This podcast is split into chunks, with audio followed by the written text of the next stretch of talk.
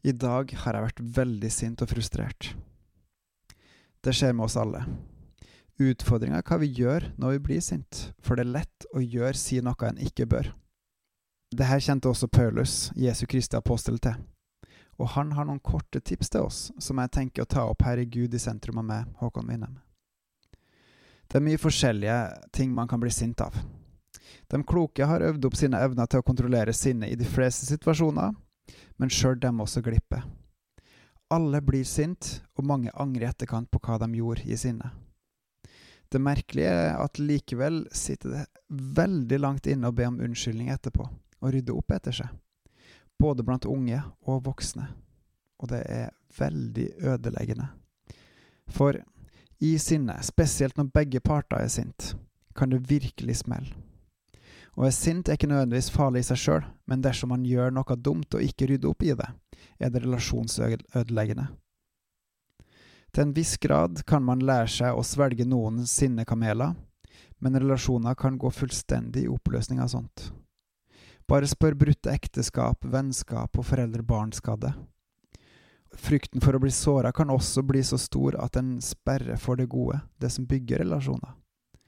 Og Dersom man altså ikke rydder opp i den, dette her destruktive, kan familie, venner og til og med samfunn ødelegges, bli lagt i grus. Omvendelsen og deretter tilgivelsen er derimot en gave fra Gud, der Han er vårt store forbilde in action, der Han er redde og viser kosen. Men tilbake til sinnet. I dag var jeg ikke helt oppmerksom på det sjøl, men sinnet mitt bygde seg sakte og sakte opp. Privilegert som jeg er, begynte Gud å si ting til meg om at jeg måtte passe på hva jeg nå hadde lyst til å gjøre. Han eh, spredte utover og kom med nye innspill underveis, gjerne når jeg var i ferd med å sprekke. Og ved hjelp av han så klarte jeg lenge og nesten hele veien å holde meg fra å si eller gjøre noe jeg kunne angre på etterpå. Det var en veldig sterk tankevirksomhet i hodet mitt, lada med mye frustrasjon som jeg ville ta ut, men jeg valgte å si minst mulig og roe meg ned for meg sjøl. Det er ikke alltid like lett med to småbarn rundt seg. Kroppsspråket mitt avslørte meg nok ganske så heftig, men jeg gjorde, sa ingenting jeg angra på etterpå. I alle fall sånn som jeg ser det foreløpig. Og samtidig så vet jeg også at unger leser foreldre, og tar gjerne etter. Så jeg tok meg etterpå en prat med eldstemann og beklagde at jeg var så sint, at jeg forklarte meg at jeg var sliten, og at jeg håpte at jeg ikke gjorde noe dumt. Det er vanskelig å være et godt forbilde, men det går i alle fall an å rydde opp i sine menneskelige vansker, feil, og på den måten vise vei ut av mørke tanker. I Efeserbrevet snakker Paulus blant annet om det nye livet i Kristus. Det er i denne forbindelsen han snakker om sinne. Bli sint, men synd ikke. Det er altså helt greit og helt vanlig å bli sint, men synd ikke. Synd ødelegger som sagt relasjoner, både til Gud og medmennesker. Gud, han er hellig, og han tåler ikke ondskap og urettferdighet. Heldigvis har vi Jesus, sånn at vi likevel kan stige framfor han, og samtidig skal vi ved hjelp av Den hellige ånd leve stadig hellige liv til Guds ære og vårt beste. Da må vi legge av oss vår syndige natur og ikle oss Jesus. Dette klarer vi ikke alltid, men vi skal jage etter det, ved hjelp av Den hellige ånd. Så bli sint, men synd ikke. Dette er nok den såkalte enkleste biten, for etterpå så sier Paulus at vi ikke må la sola gå ned mens vi ennå er sint. Hvorfor sier han det? For det første tror jeg at han vil det samme som Jesus, at vi skal elske hverandre, og da trenger vi å enten forlikes eller forsones når ting har skjært seg. For det andre tror jeg at relasjonsskader som ikke ryddes opp i, vil vokse.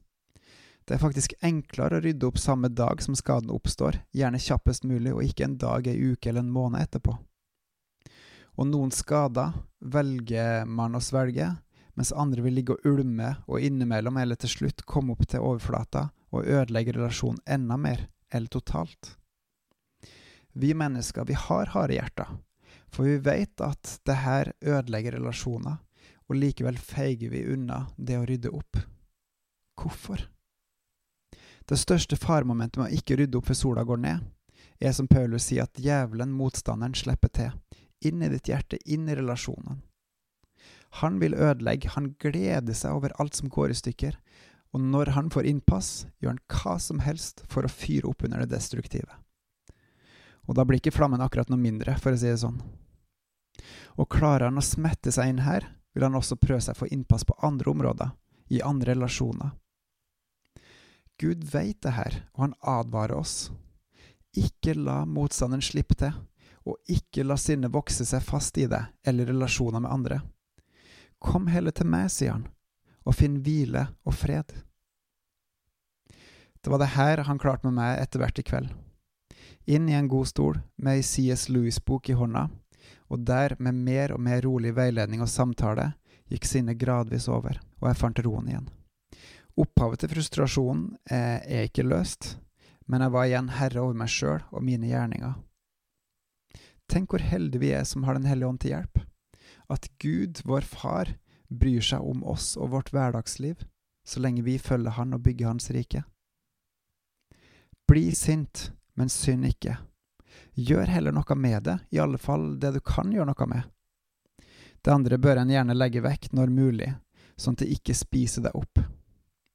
Fyll deg hele tida opp med Gud, Hans ånd, og legg bekymringene over på Han.